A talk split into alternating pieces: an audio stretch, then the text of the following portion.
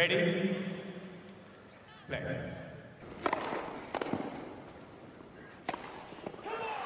Merhabalar, Raket Servisi hoş geldiniz. Ben Gökhan. Ben Anıl, merhaba. Evet, şu anda 2020 sezonunun, tabii bu değişik sezonun, e, toprak sezonunun ortasındayız. 21 Eylül günlerden. Gelin görün ki Roma Masters bugün tamamlandı. Roland Garros'ta birkaç gün var. Biz de Anıl'la bugün Roma'yı konuşacağız. Sadece şampiyonları değil, ön plana çıkan oyuncuları konuşacağız. Kadınlarda, erkeklerde. E, bu hafta oynanan iki turnuva var. ATP'de bir, WTA'de bir olmak üzere. Bir de Roland Garros elemeleri oynanıyor. E, onlara da değineceğiz ve bugünlük burada kapatacağız. Anıl genel olarak bir Roma'yı nasıl buldun diye başlayayım sana sonra topu öyle atayım. Ondan sonra da istiyorsan kadınlardan başlayalım sonra erkeklere geçelim. Genel olarak ilginç buldum. Çünkü hem US Open'dan gelip e, Amerika'dan sert zeminden toprağa çok kısa bir sürede uyum sağlamak zorunda olup e, hem de tabii jet lag durumunu da hesaba katarsak bir öyle bir ekip vardı. Hem uzun süre profesyonel maç oynamayıp toprak sezonuna hazırlanan bir e, ekip vardı. Aynen. o açıdan e, kim nasıl performans gösterecek çok merak konusuydu. Ve o yüzden de zaten bol bol sürpriz sonuç gördük burada. Yani güzel olan tarafı bence e, turlar ilerledikçe seviye gitgide yükseldi ve hani Nadal e, sürpriziyle beraber onun dışında Amerika'da e, yarışıp buraya gelen e, Avrupa'ya gelen insanlar da e, oyuncular da çok iyi performans gösterdiler.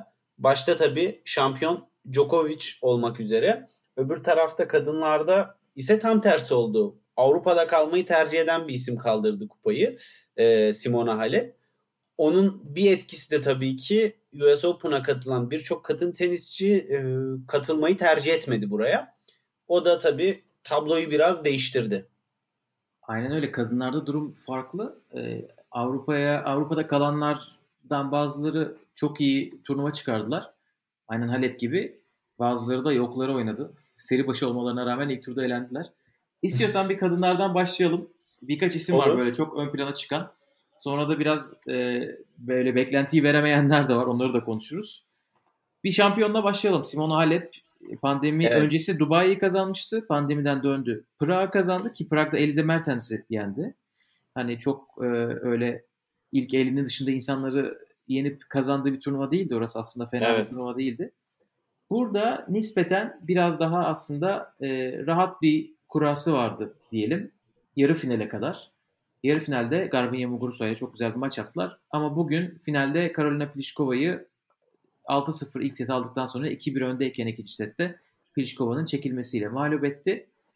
E, Halep aslında gayet güzel gözüküyor. Biraz da Kur'an'ın bu çok zor olmaması aklımın bir kenarında duruyor aslında Muguruza maçı dışında. Sen ne diyorsun? Halep e, pandemi sonrası e, çok iyi geldi ve hani Prag turnuvası düşük ödüllü bir turnuva olmasına rağmen katılımcı listesi olarak çok e, bir seviyesinin üstünde bir ana tablo vardı. E, orada da zaten çok çetin maçlar izledik. Simona Halep Muguruza'yı zorlanarak yendi ama e, genel olarak e, çok istikrarlı devam ediyor ve Roland Garros için e, oldukça iyi görünüyor. Hani onun haricinde iyi görünen bir isim daha var ki o da US Open finalisti Vika. Ee, hani 3 sette yenildi ilk seti almasına rağmen Muguruza'ya ama yani şartlar düşünüldüğünde oraya kadar gelmiş olması bile fiziken bence çok büyük bir başarı. Ki şimdi biraz toparlanıp dinlendiği takdirde Roland Garros'a çok daha fit gelecektir. Ve mental olarak inanılmaz rahat gördüm. Ayrıca tabii ki sportmenlik açısından e, Kasatkina'ya karşı gösterdiği o destek ve korttaki hareketi yani hani zaten çok sevdiğimiz bir oyuncu turda tekrardan bir ekstra bir sevgimizi kazandı. Evet, Onun- Azarenka gerçekten çok güzel bir turnuva geçirdi. Venüs'ü yendi ilk turda ve Venüs öyle kötü oynamadı. Yok. E, sportmenlik yapmadığı bir maç e, Kenin maçı. Oyun vermeden kazandı. Ayıp. Amerika'daki çiftler partilerini. Yani O 3 maçı- numaralı seri başını 6-0 6-0 yenmek tabii ki sadece Vika için bir artı değil aynı zamanda da Sonya için e, büyük bir soru işareti. E, nasıl devam edecek? Roland Garros'a kadar belki bu tarz e, ağır düşüşler iyi bir e, dönüşüm de getirebiliyor. Hani o da var. O açıdan ilginç sonuçlar gördük burada. Evet Sofia Kenin aslında seneye çok çok güzel başlamış. Tabii ki Grand Slam kazandı. Ondan sonra Fransa'da bir turnuva daha kazandı. Ee, ondan sonra araya pandemi girdi. Geri dönüşü biraz sallantılı oluyor. Amerika'da zaten şu anda istediğim yerde değilim diye diye e, bir çeyreğe kadar çıkmıştı. Çeyrek ya da dördüncü tur. E, toprak tabii ki onun en sevdiği zemin değil ama geçen sene Fransa'da Serena'yı yenmiş bir oyuncudan bahsediyoruz. Onun için evet. 6-0 6-0'da biraz ağır oldu. E, o Kasatkina maçı Azarenka'nın gerçekten e, yani Kasatkina için çok büyük bir maçtı. Çünkü Kasatkina çok uzun zamandır bu kadar yani e, yüksek kalibre bir oyuncuya karşı böyle bir maç oynamak istiyordu. Evet. Hani onun için böyle tam dönüş noktası olabilecek bir yerde sakatlanması gerçekten çok ilginç. Bu arada çok yani bir şey söyleyeyim. Ve elemelerden geldi Gökhan. Çok pardon onu da eklemek istiyorum. Hani fiziken daha çok maç yapıp geldi bir de. Evet evet evet. Sıralaması çok düşük durumda eskisine göre. İki sene önce Moskova'yı kazanmıştı. Orayla alakası yok. Onun için burada eleme oynamak zorunda kaldı. Ee, ya benim bana çok garip gelen bir şey bu. Toprak turnuvalarındaki o çizgiler. Hiç e, yani yakından gören var mı bilmiyorum ama ben bir defa regülasyon kortta oynadım. Yani o çizgiler plastik, boya değil ve takılmak çok kolay. Bu zamana kadar düşünüyordum yani nasıl bu oyuncular bu kadar rahat oynuyorlar diye. O çizgiye takılıp düştü sanırım Kasatkina. E, hala da merak ediyorum. Nasıl hiçbir şey olmuyor. Her, e, bütün diğer oyuncuları da. Ama Kasatkina burada kurban gitti. İnşallah geri dönüşü çabuk olur.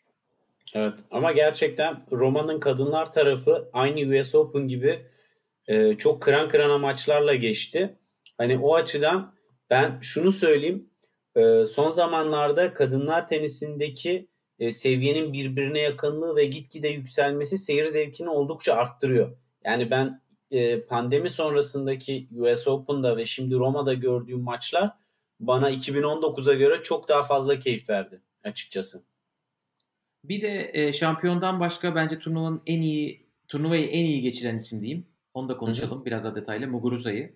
Evet. Muguruza Halep'e yenilene kadar ki az kalsın bir büyük bir geri dönüşle sergiliyordu 3. sette ama evet. ondan önce Azarenka'yı yendi. Ondan önce Johanna Konta'yı yendi ki Johanna Konta burada final oynadı geçen sene Roma'da. Evet. Ondan önce Kokugov, ondan önce de eski Fransa açık finalisti Sloane Stevens.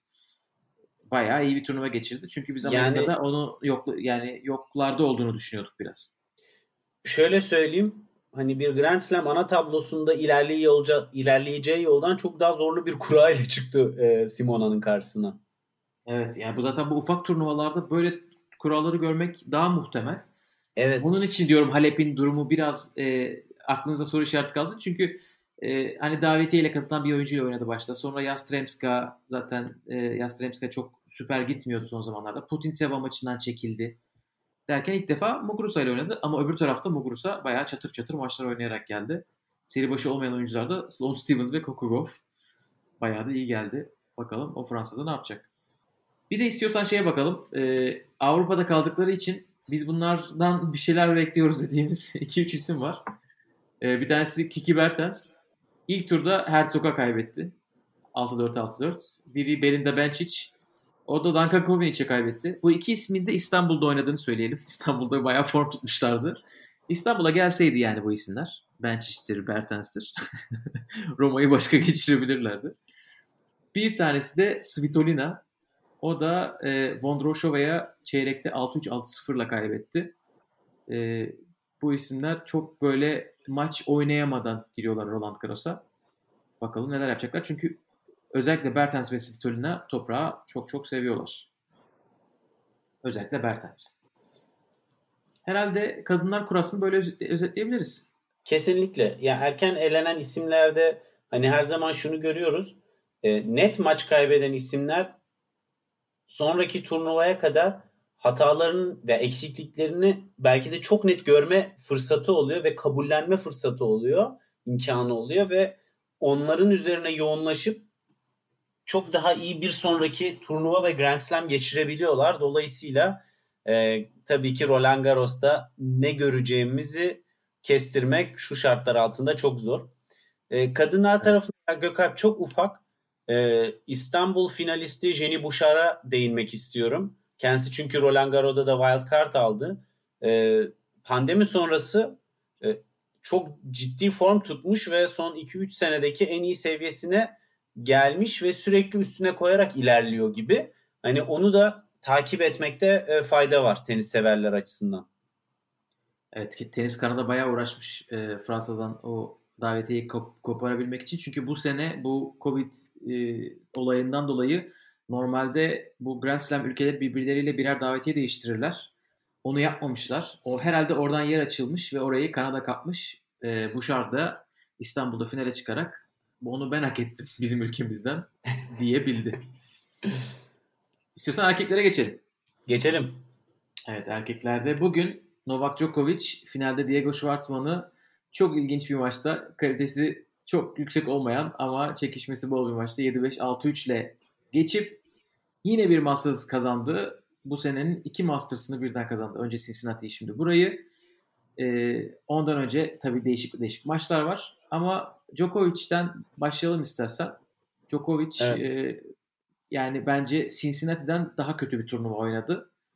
E, yani ilk turdan finale kadar kendisinden yani böyle birkaç vites düşük bir, bir, bir maç forehand, bir maç backhand, bir maç taktik falan derken e, tabii bu haliyle Masters kazanmak tabii ki her zaman söylüyoruz. O oyuncunun büyüklüğünü gösteriyor. Sen neler diyeceksin Djokovic için?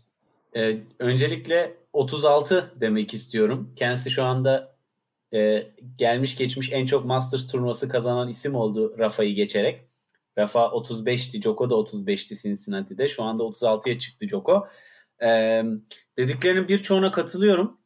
Gerçekten maçlarında çok sallandı. Hani elemelerden gelen Dominik Köpfer'e karşı oynadığı maç olsun. Ondan önce e, Krajinovic'e karşı ilk setteki çok ciddi sallanması olsun. E, yani bunlar tabii ki Djokovic'in e, seviyesinin çok iyi olmadığını gösteriyor. Fakat şunu unutmamak lazım. Djokovic çok e, ağır bir psikolojik durumdan e, hem de Amerika'dan gelip e, bu seviye oynuyor ve hani dolayısıyla zaten ben inanıyorum ki oyundan ziyade e, kupa odaklı bir strateji güttü. E, finalde biraz şansı yaver gitti. Şöyle şansı yaver gitti. E, dünkü Diego Chapo maçı hani e, Twitter'da da söyledim pandemi sonrası izlediğim en çekişmeli ve seviyesi en yüksek maç oldu. 3 saat 20 dakika civarı sürdü. Erkekler maçı. Şam seansındaydı.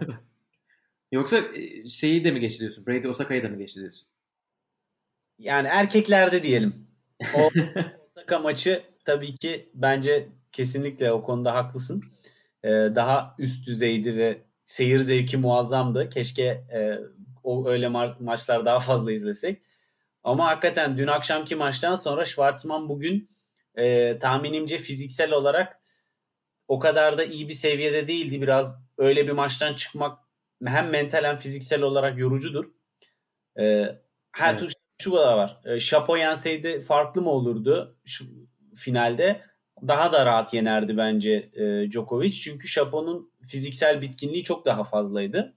Ama bu da işte biraz tenisin e, kaderinde var zorlu maçlardan çok iyi oyun oynayarak çıkıp eğer maç uzun sürüyorsa bir sonraki tura enerjiniz kalmıyor. Bunu çok sık görüyoruz. Ee, özellikle Grand Slam'lerde tabii ki 5 setlik maçlarda o epik diyeceğimiz maçlar eğer ki finalde değil de çeyrek finaldeyse e, veya daha öncesindeyse oyunculara çok ciddi sıkıntılar çıkarıyor. Hem mental hem fiziksel olarak bir sonraki turda. Bence burada bir Roma'ya parantez açalım. Çünkü Roma'da olup diğer bahsettiklerinde olmayan bir şey var. Grand Slam'lerde sonuçta bir gün ara var eğer yağmurdan bir sıkıntı yoksa. Diğer turnuvaların da programı genelde daha iyi oluyor. Programı yani önceki günün e, yarı erkek yarı final maçını akşam seansına koymuyorlar. Roma evet. bunu yapıyor e, ve bunu yapmalarının gerçekten hiçbir açıklaması yok. Yok. E, yani gündüz başlayıp böyle akşamüstü 8 hadi 8 gibi bitirebilirsiniz, 9 gibi bitirebilirsiniz. E, Schwartzman'ın bugün yaşadığını Djokovic geçen sene yaşadı. Del Potro ile sen seversin o maçı. Çok efsane bir çok. maç oynamışlardı yarı finalde. E, gece yarısını geçmişti. Hatta öyle hatırlıyorum. Evet. E, maç bittiğinde ve ertesi gün Nadal oynayacak. bile gece yarısını geçmişti öyle söyleyeyim yani. yani Türkiye'de biri falan geçmiştir yani. e, ertesi gün Djokovic Nadal'la oynayacaktı. Yani bu sefer hani biraz şey oldu. Geçen senenin hesabı evet. sıfırlandı diyelim ama Roma'da öyle bir ekstra durum var. Bugün tabii yağmurdan da korktukları için belki daha böyle geç bir saate koymamışlardır. Evet yani e, özellikle akşam seansında nem oranının artması, top kortun yavaşlaması, e, rallilerin uzamasına ve tabii ki servis oyunlarının çok daha zor geçmesine sebebiyet veriyor. Bu bana sorarsan seyir zevkini arttırıyor ama tabii oyuncuların canını okuyor. Ee, özellikle yüksek spinle oynayan Rafa için akşam seansı tabii ki talihsizlik. Ama e, ben Rafa'yı yine de beğendim. Kendisinin laflarıyla, e, sözleriyle açıklayayım durumu. İki tane çok iyi maç oynadı. Bir tane çok da iyi olmayan bir maç oynadı ve karşısında çok iyi bir Diego vardı. Peke. E, dolayısıyla hani buradan Rafa'ya tek söylenebilecek şey o birinci servislerin düzelmesi gerekiyor eğer 13. kupayı almak istiyorsa Fransa'da. e, bir Rafa'ya geçmeden önce Djokovic'i ben de bir şeyler söyleyeyim. Tabii. E, ben hani senin dediğine katılıyorum.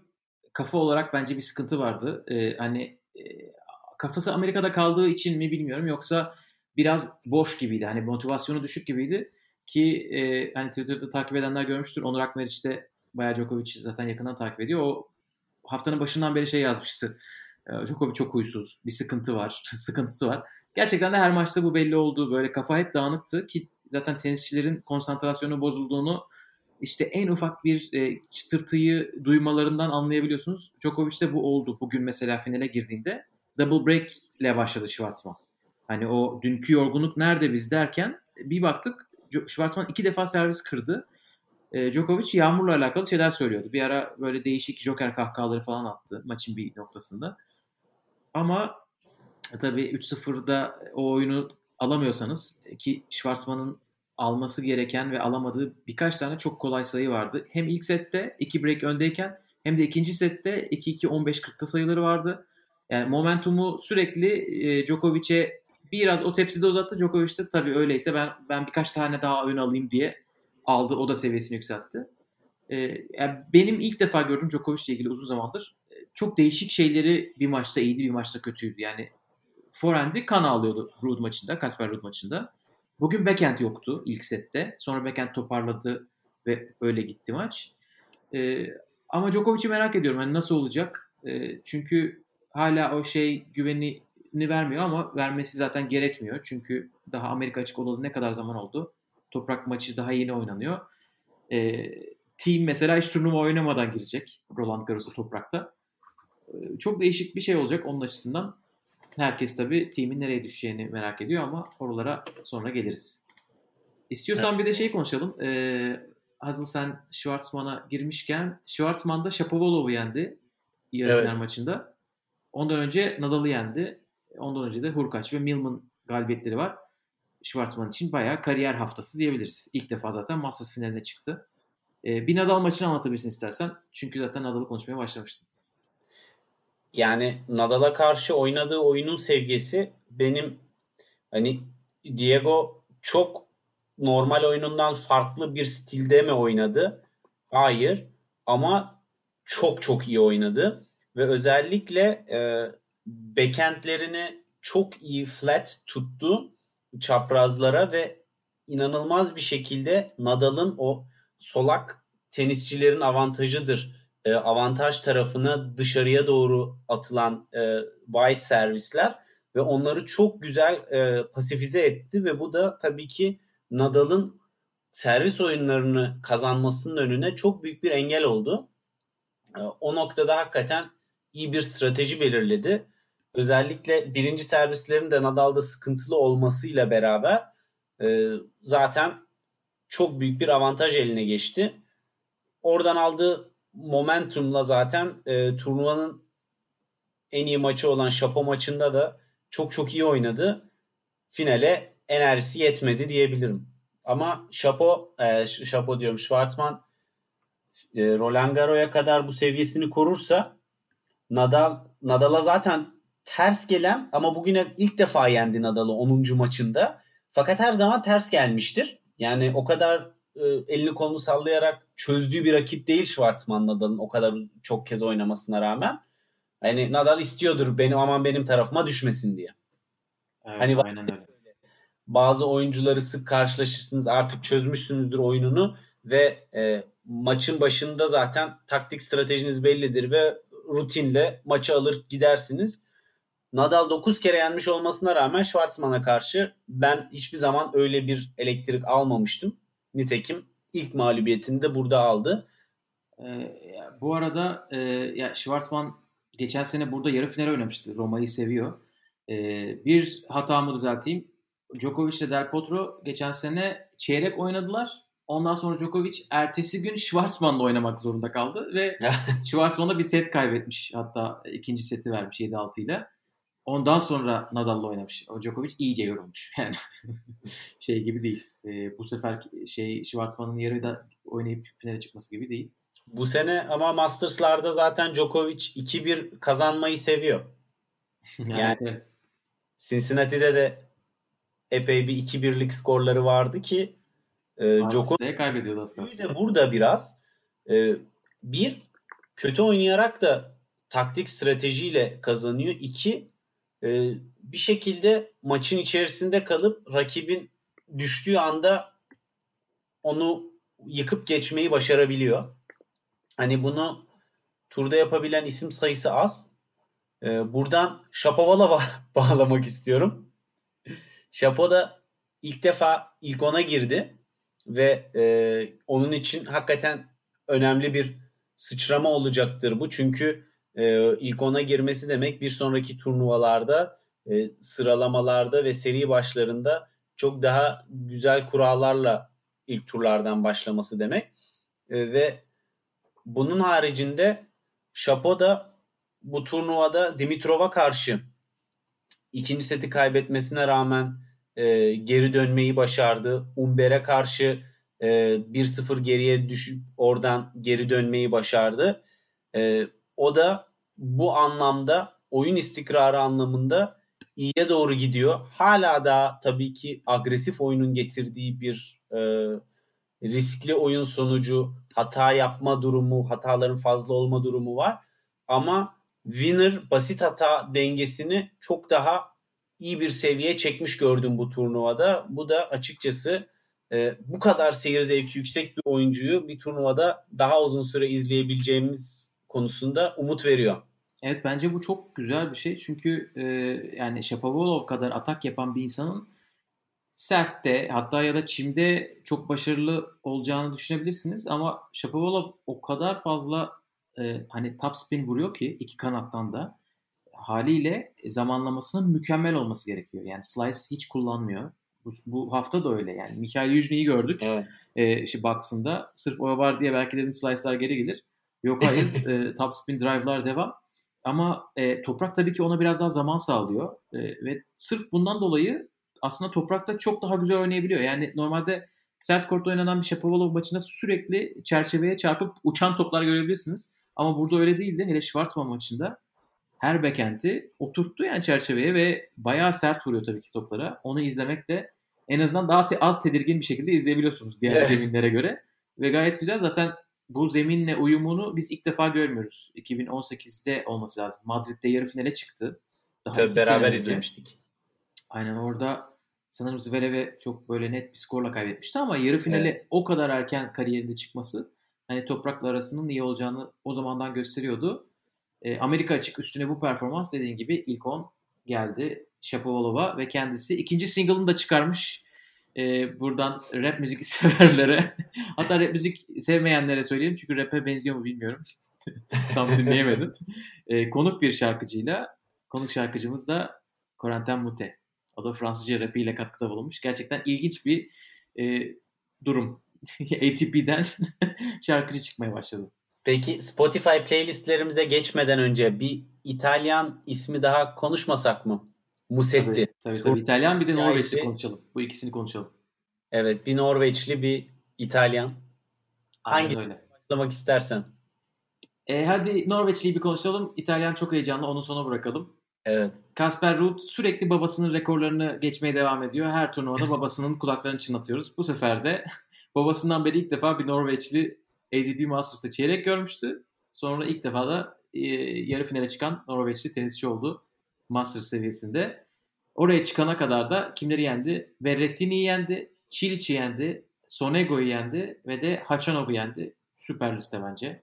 Sonego'nun evet. toprakta şampiyonlukları olduğunu. Özgüven konusunda kendisine inanılmaz katkısı olmuştur bu e, turnuva. Aynen zaten herhalde laflarımıza e, Rafa Nadal Akademi diyerek başlayalım. Çünkü Kasper Ruud evet. aynı cümlede kurmazsak e, yasak yani o yasak kullanılmaması akademinin ürünlerinden kendisi ve adeta bir e, akademi şeyi resitali veriyor yani toprakta nasıl oynanacağını göstere Kesinlikle. göstere özellikle Berrettini maçında ki Berrettini de toprakta iyi oynar. E, o da çok güzel maçtı mesela. Bayağı olgun bir şekilde toprak tenisi oynuyor. Onu da merak ediyorum. Roland Garros'ta ne yapacak? Bir ufak ekleme yapmak istiyorum burada. Toprak ve Rafa Nadal Akademi dediğin için. Casper Ruud'u izlerseniz şayet e, zor yetiştiği toplara karşı oynadığı stratejiye bakın. Genelde oyuncular toplara zor yetiştikleri zaman özellikle genç oyuncular sert ve düz toplarla şanslarını denerler. Ya tutarsa diye nasılsa sayıyı alamam diye. Ee, burada da başarı oranı çok yüksek değildir. Casper Ruud tam Nadal Akademisi'nde hem öğretilen hem de tam bir toprakçı e, felsefesiyle topları yükselterek yüksek spinle geri çizgiye baseline'a doğru e, atmayı tercih ediyor. Bu tam bir toprak stratejisidir. Çünkü toprakta vakit kazanıp tekrar ortaya gelmek için muazzam bir fırsattır bu ve e, riskli bir topla e, winner'a gitmek şansını denemek yerine bunu çok yaptı ve sakin kalarak birçok puanı da böyle çevirdi esasında. Sayıda evet. kalmayı başararak. Ve bu da hakikaten Rafa Nadal Akademi'nin e, bir ürünü olduğunun da göstergesi. Ama antrenörü aynı zamanda babası. O da izliyor turnuvaları. Onu da belirtmekte fayda var. Yani babası kıskanmıyor. Tüh oğlum rekorlarımı geçiyor diye. O da kenarda bir şekilde oğlunun gelişimini takip ediyor. Aynen öyle. O zaman İtalyan heyecanımıza geçelim. Biz burada evet. işte Berrettini mi, Fonini mi yoksa Sinner mi bir şeyler yapar derken bambaşka bir genç e, Junior Slam şampiyonu olduğunu bu turnuvada fark ettiğim Lorenzo Musetti iki tane büyük ismi yenerek 3. tura çıktı. Hem de elemelerden gelip bayağı iyi bir turnuva geçirdi. Şu anda Hem de ne maçlar ilk, oynayarak yani. İlk 200'e girdi. Lafı sana bırakayım burada. Evet yani e, özellikle ilk tur maçında Wawrinka ile izlediğim zaman ben Wawrinka'yı izlemek için açmıştım. Challenger'lardan sonraki durumunu görmek için. Ben de öyle. Maça inanılmaz e, cesur ve atak giren bir Musetti vardı ve 6-0 gibi net bir skorla aldı e, ilk seti. Zaten Wawrinka'nın maça girebilmesi de epey sürdü. Wawrinka'nın çok kötü oynadığını söylemem gerekiyor yalnız. İlk sette evet. bence Musetti iyi oynamadan 6-0 aldı. O kadar kötü oynadı Wawrinka. Yani Wawrinka herhalde çok rahat bir mindsetle maça çıkıp çok düşük vitesle başladı. İkinci setin sonlarına doğru vitesi yükseltti ama yetmedi. Ki onun üzerine Musetti Nishikori'yi de e, 2-0'la geçti. Nishikori de çok e, formda bir durumda demek zor şu anda. Hani onun da seviyesini gözlemlemek güç. Evet. O da e, çok turnuva oynamadı. Covid oldu. Amerika'ya katılmadı. Ama e, kesinlikle. Fakat iki tur geçmiş olması ve İki böyle... tur bir de 3 tur eleme oynadı. Elemede elediği isimlerden birisi Leo Mayer mesela. Hani e, evet, ki Leo Mayer e, sağlam toprakçılardan. Aynen öyle. Bu arada elemelerde elediği ilk isim sonra bu konuya geleceğiz. Bernabe Zapata İspanyol. E, bu şu anda Fransa açıkta elemelerden ihraç edildi. Covid olduğundan dolayı inşallah Muzetti'de bir şey yoktur. İnşallah. Ee, Ama Muzetti gerçekten yani bomba gibi düştü turnuvaya. Sinner'i hiç kimse konuşmadı. Ki çocuk evet. yani çok da güzel iki maç çıkardı böyle. Sisipas'ı yendi, Benoît Pair'i yendi falan. Benoît Paire maçını saymayalım. Hadi o, o kendi kendini imha eden bir Benoît Paire vardı orada ama Dimitrov maçı da bana güzeldi ama biz Muzetti konuştuk. Ama herhalde e, konuşmanın şeyi var yani e, arkasında bir malzeme var. Çünkü gerçekten çok komple bir oyuncuya benziyor. Siner bile alçak gönüllülükle hani potansiyeli benden daha yüksek demiş Muzetti için. Böyle Yani- bir hype şu anda yaratıldı. Allah ona yardımcısı olsun, sabır versin diyelim. Burada Roma ile. Roma vesilesiyle e, çok kısa genel konuşulan konuyu da bir değinmek lazım. İtalyan tenisi yükselişte ve e, bunda insanlar hani şeyi tartışmaya başladılar. Yani nereden çıktı birden bu kadar İtalyan? Çünkü özellikle Roma'da bile önceki e, turnuvalardaki en iyi seviye İtalyanlara baktığımız zaman Seppi'ye kadar ki 2012 mi 2011 mi ne yanlış hatırlamıyorsam e, yarı finale çeyrek finale çıkan oyuncu bile yoktu. E, ve e, hani bunun arkasında şunun e, açıklaması var. Birkaç oyuncudan duydum bunu. Cecchinato'nun Roland Garros'da yarı finale çıkmış olması oyunculara büyük bir itici güç olmuş. Motivasyon ve özgüven anlamında. Zaten güzel bir altyapıyla son iki senedir İtalyanlar tenise ciddi yatırımlar yapıyor. Ama o bizde bu seviyelerde oynayabiliriz psikolojik faktörün arkasında Cecchinato'nun o çeyrek finalde e, büyük bir geri dönüşle Djokovic'i çeyrekte yenip yarı finale çıkması inanılmaz büyük bir faktörmüş. Bunu e, Evet. iki oyuncudan sanırım e, okudum. Evet ben de bu lokomotif etkisini birkaç yerden duydum. Bir de e, kulüp e, federasyonla kulüpler arasında çok e, hani iyi geçinme olduğunu söylüyorlar. Koçlar e, hani profesyonel olan oyuncularla beraber de yollarına devam ediyorlar. Hiç öyle bir kesinti yok. Bunun da etkisi olduğunu söyler. Mesela Berrettini e, 14-15 yaşından beri aynı koçla çalışıyor.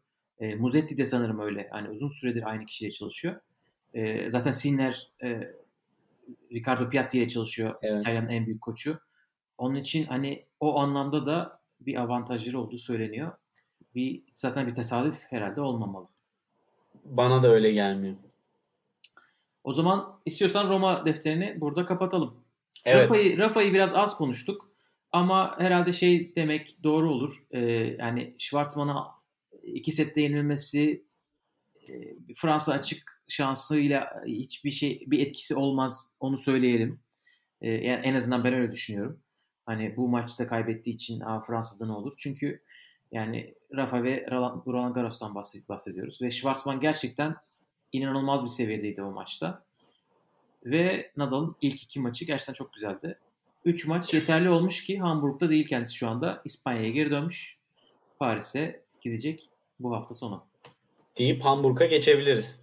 Evet bu hafta oynanan iki turnuvaya kısaca değinelim. Hamburg e, ATP'yi bak ne zaman Temmuz yerine 21 Eylül itibariyle ev sahipliği yapıyor. Evet. Hamburg e, seneler sonra ilk defa Roland Garros öncesinde bir toprak turnuvası olarak e, takvimde yer alıyor. Onlar için tabi bulunmaz nimet. Hatta şöyle söyleyeyim çok kısaca şark kurnazlığını e, burada belirtmek istiyorum. E, Hamburg'a bu sene bilet almış olan insanlara turnuva ertelendiği zaman bilet hakkını bir sonraki seneye attılar. E, bu ki bu sene Roland Garros öncesinde olduğu için katılımcıların seviyesi çok yüksek. İlk ondan 4-5 isim var. Şimdi son çekilmelerle ne oldu tam bilmiyorum. E, ama bundan dolayı bilet fiyatlarını %30-35 oranında arttırdılar. E, bu da ufak bir fırsatçılık. Yani evet, evet. Çok bu güzel sene- katılım listesi var. e, şey Hamburg turnuvası onlar için tabii inanılmaz bir e, tanıtım fırsatı. Çünkü 10 milyon euro gibi bir yatırım yat- yapıp e, tesisleri bu sene biraz e, düzelttiler. Dökülüyordu gerçekten. Hani bana sorarsanız 10 milyon değil bir 20 milyon daha ayırmak lazım adam olması için ama e, yine de Gerçekten evet koltuğu olmayan kortlar kort tribünleri vardı. Taş Evet, taşta tahta. oturarak izlediniz. Tahta mıydı? Ha, evet. tahta tam tam yani O tam- 60'larda yapmışlar, cilalamışlar ve öyle kalmış. Evet yani Ama şöyle güzel söyleyelim. Cila vernik konusunda iyiler. Yani hani kıymet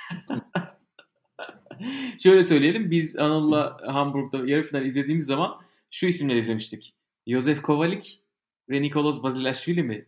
Öyle bir şey. Evet. Yok. Nikolas Bazilashvili ile Nikolas Hadi oynamışlardı. Josef Kovalik ile Leo Mayer Zverev. oynamıştı galiba. Hayır. İlk 50'den Ha, kimse yoktu. çeyrekte, pardon. pardon. Hiç kimse yoktu ilk 50'den. Ama gelin görün ki bu hafta kimler oynuyor Hamburg'da? Bir tek Schwarzman çekildi tabii ki. Evet. Medvedev, Tsitsipas, Monfils, Bautista, Rublev, Fonini, Hachanov. Bunlar ilk 8 seri başı inanılmaz. Seri başı olmayan da mükemmel bir sürü isim var. İşte Felix var, Kasper Ruud var. Ondan sonra Cole Schreiber var. Bir sürü isim var. Böyle Hamburg'un bir daha görmeyeceği bir tablo. Bayağı iyiler. Tabii eleme oynamalarına gerek yok bu arkadaşların. Onun için biraz daha maç pratiği, biraz daha para kazanalım demişler diye düşündük. Bir gidesin geldi mi ya bu kadar oyuncu oynuyorken? Seyirci var değil mi bu arada? Var az sayıda var. Ee, ancak yani çok emin olamadım. Hem organizasyondan hem de bana biraz bu şark kurnazlığı biraz rahatsız etti beni açıkçası. Haklı, haklısın haklısın. Yani evet bu yapılacak Ama şey katılımcı değil. listesi iyi. Ee, bakalım. Belki son dakika bir karar değiştirebilirim hafta sonu için ama Evet değiştirirsen oradan zaten izlenimlerini alırız. Çünkü Fransa açık kurası Perşembe günü çıkıyor. Hemen ondan sonra Evet. kayıt alırız. Evet e, kadınlarda da Strasbourg oynanıyor. Hamburg'la ilgili başka bir şey söyleyecek miydin yoksa Strasbourg? Yok. zaten ilk turlar baş. Ha Hamburg'la ilgili çok önemli bir şey var. Evet. Tenis sever herkesi TRT Spor 2 izlemeye davet ediyorum. Hani biz ilk tur maçlarını, ikinci tur maçlarını yayın hakları olduğu zaman bile göremiyoruz Türk televizyonda. Çünkü genelde Bein Sports ya da Esports çeyrek final, yarı final hatta 500'lük turnuvalarda sadece finali yayınladıkları bile oluyordu. TRT Spor hakikaten bugünden itibaren TRT Spor 2'de e, bütün maçları sırasıyla hemen hemen yayınlıyorlar. Hani tenisin daha çok kişiye ulaşması için bence çok güzel bir şey ve hafta içi özellikle home office'teyken arka planda e, eski Türk dizileri yerine çok daha güzel e, durabilecek bir şey bence. Evet buradan e, sevgili Elif Alper'e de selam söyleyelim. Kendisi gerçekten uğraştı, didindi. Yayıncılarla ilgili e, bütün e, saçmalıkları dile getirdi. Çünkü Bein Sports, e, ATP Bin bizde diye bir şey vardı, duyurusu vardı. Sonra yok Evet. bizde değilmiş diye çıkardılar onu. E, Saran grubu aldı ama yayınlamıyor falan derken bu işin sonunda bu, bulundu bir şekilde. Ee, siz de TTSB alt tenis hesabını mutlaka bir göz atın. Orada güzel şeyler oluyor diye oranın reklamını da bir yapalım. Evet TRT'de tenis görmek gerçekten tekrar çok güzel. Evet Strasbourg'da e, çok fazla böyle Hamburg gibi ışıltılı bir tablo yok ama yine de e, önemli isimler var. E, Svitolina, Sabalenka, Bertens, Rybakina gibi isimler e, oradaki tabloya katılmışlar. E, ama orası dediğim gibi Hamburg kadar kalabalık değil. Değil. Ama ilk ilk turlarda oynandı. Sloane Stevens orada da elendi ilk turda. Anisimova da eğlendi. Anisimova zaten e, Covid'den çok iyi bir geri dönüş yapamadı gibi. E, Ostapenko maçını aldı. Bakalım o ne yapacak Roland Garros'da. Evet o da Bertens'le oynayacak. Şimdi Bertens'in ilk maçı Ostapenko'ya karşı. Orada da aslında güzel maçlar var. Ama bizim tabii ki gözümüz artık Roland Garros'ta. Çünkü elemeler Evet. bugün başladı. Bizim de 3 tane temsilcimiz vardı. Bugün Cem ne yazık ki kaybetti ilk turda maçını. Zor da bir kurası vardı. Yani iyiydi oyuncu karşısındaki. Gunes Varan'a karşı 6-3-6-1 ile e, verdi maçı. Evet 29 numaralı seri başıydı. Seri başı çekmek tabii ki her zaman zor. E, diğer isimler Çağla ve Pemra onların da kuralları seri başı çektiler ilk turda. E, Evet. Çağla Lesya Surenko ile oynayacak. İstanbul şampiyonluğu var Surenko'nun yanlış hatırlamıyorsam ve toprağı seven bir oyuncu. Pemra da Katie McNally ile oynayacak. E, McNally'yi biz bu podcast'te çok konuşuyoruz. E, ama bilmiyorsanız 18 yaşında gayet yükselen bir Amerikan oyuncusu. Ama toprakta Kokogof'un da çiftler partneri. Onu da eklemek lazım. aynen ama toprakta çok Koko fazla tecrübesi ikilisi. yok. E, hani sert korttaki kadar e, böyle büyük bir başarı karnesi yok. Onun için belki hani e, Pemra orada tecrübesini konuşturur inşallah diyelim. E, Çağla hani Surenko'yu geçerse, maçlarına geçerse bir de bir numaranın olduğu kısma düşmüş. E, ikisine de çok başarılar dileyelim. E, Eurosport Evet, Player'da bu maçları izleyebiliyorsunuz. Tabii internette bulmak herhalde kolaydır yayıncısı olduğu için. Yani kura şansı hakikaten bir tenisçinin breakthrough yapabilmesi için en en kritik e, durumlardan birisi. Özellikle bizim ülkemizde sadece bir tane WTA var. Dolayısıyla işte Amerika'da olsun, Avrupa'da olsun wild card'la birçok turnuvaya katılıp şanslarını deneyip birinde başarılı olup bir yüksek sıralamalara geçebiliyorlar. Çağla'nın form durumu şu an çok iyi. Ama yani ben Surenko'ya karşı ciddi şans versem de e, seviyelerin ne olacağı tabii ki pandemi sonrası çok kestirmesi zor. Emrah'ın de, dediği konusunda da haklısın yani McNally çok fazla toprakta oynayan bir isim değil ama seviye olarak bayağı yukarılara çıkan bir isim. Yani WTA turnuvalarında ikinci turları, üçüncü turları görmekte e, çok az değil. Hani o yüzden zorlu kurallar geldi. Ama form durumu her şeyi değiştirebiliyor. Sıralama teniste bazen hiçbir şey ifade etmeyebiliyor. Aynen aynen öyle. Ee, sanırım ilk maçlarını ikisi de yarın oynayacak. Ee, doğru hatırlıyorsam. Yarın derken salı günü.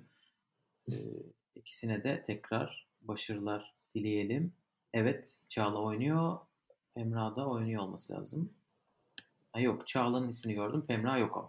Demek ki o çarşamba başlayacak. Evet. E, istiyorsan bir Roland Garros konuşalım ya. E, Roland Garros'la ilgili bir podcast dinledim.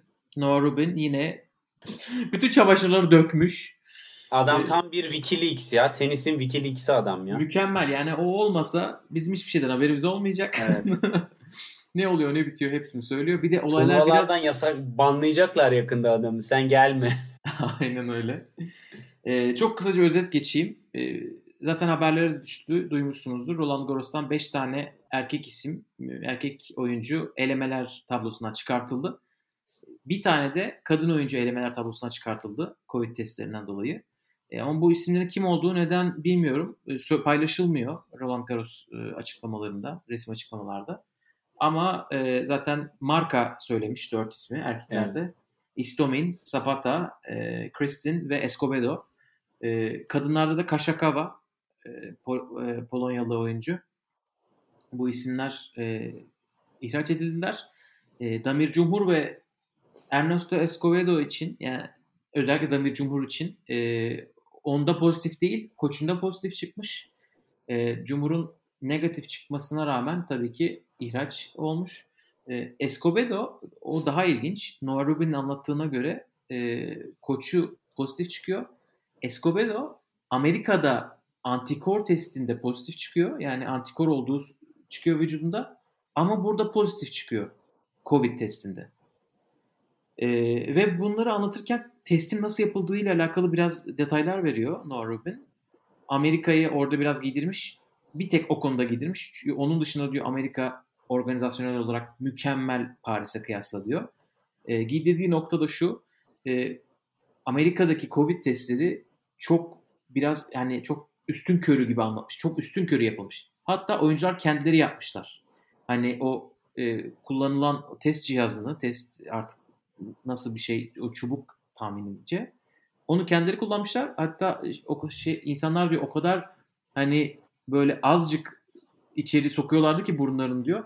Ben Benoît Pair'in nasıl pozitif çıktığına inanamadım diyor Norman. Burada görevliler yapıyorlarmış ve diyor ayak parmağımıza kadar gidiyor neredeyse çubuk diyor.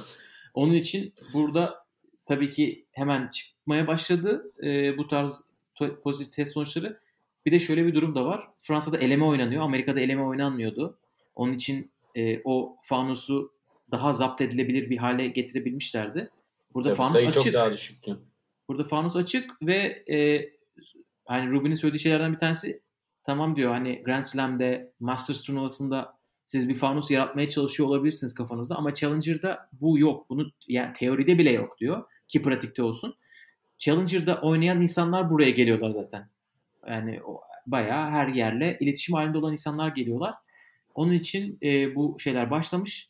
E, oyunculara iki otel ayrıldığı söyleniyordu. Benim kaldığım otelin %100 oyunculara ayrıldığını düşünmüyorum diyor. Hani Amerika'daki otel olayı gibi bir şey daha gerçekleşebilir. Ama asıl hani e, Covid e, bubble yok burada diyor. E, çünkü Amerika'da mesela e, oy, oynanan yere gitmesi için oyuncuların negatifsiniz mesajını almaları gerekiyormuş. Burada öyle bir şey yok diyor. Test oluyormuşsun. Sonra gidebiliyormuşsun. Hatta Damir Cumhur'la koçu gitmişler yani. Sahalarda, kortta falanlarmış. E, pozitif çıkmasına rağmen koçunun ama pozitif şeyi sonucu e, akşamına falan çıkmış, sonrasına çıkmış. Onun için Fransa biraz e, sıkıntılı olacak gibi gözüküyor. Son bir detay da eğer pozitif çıkarsanız bu oyuncular gibi e, şöyle bir çifte standarda gidelim. Hiç neden olduğu hakkında hiçbir fikrim yok. Eğer elemede pozitif çıkarsanız para ödülünü alamıyorsunuz. Ama ana tabloda çıkarsanız o para ödülünü kazanabiliyorsunuz. Böyle bir durum var. E, saçma sapan olduğunu düşündüm. Çünkü Fransa biraz havasını da atmıştı. Biz şampiyondan alıp ilk tur oyuncularına daha fazla para ödülü veriyoruz diye. E, burada değişik bir yola gitmişler. E, yani görünen o ki Paris biraz çalkalanacak. Zaten biz bile hissettik bunu. E, oyuncular bize bunun e, hani şey yapmadan, ispiyonlamadan önce e, sürekli bir belirsizlik var seyirci konusunda. 10 bin kişi, 15 bin kişi derken şimdi 5 bin kişi diyorlar. E, ve o konuda da bayağı kötü bir yönetim var. Biz e, zamanında bilet almıştık Temmuz ayında. İşler böyle iyiye gidiyorken. Ama şimdi mesela bir günümüz iptal ettiler. Diğer günümüzde biz geri vermek istiyoruz. Gitmek istemiyoruz. E, call center'da kimse telefonu açmıyor.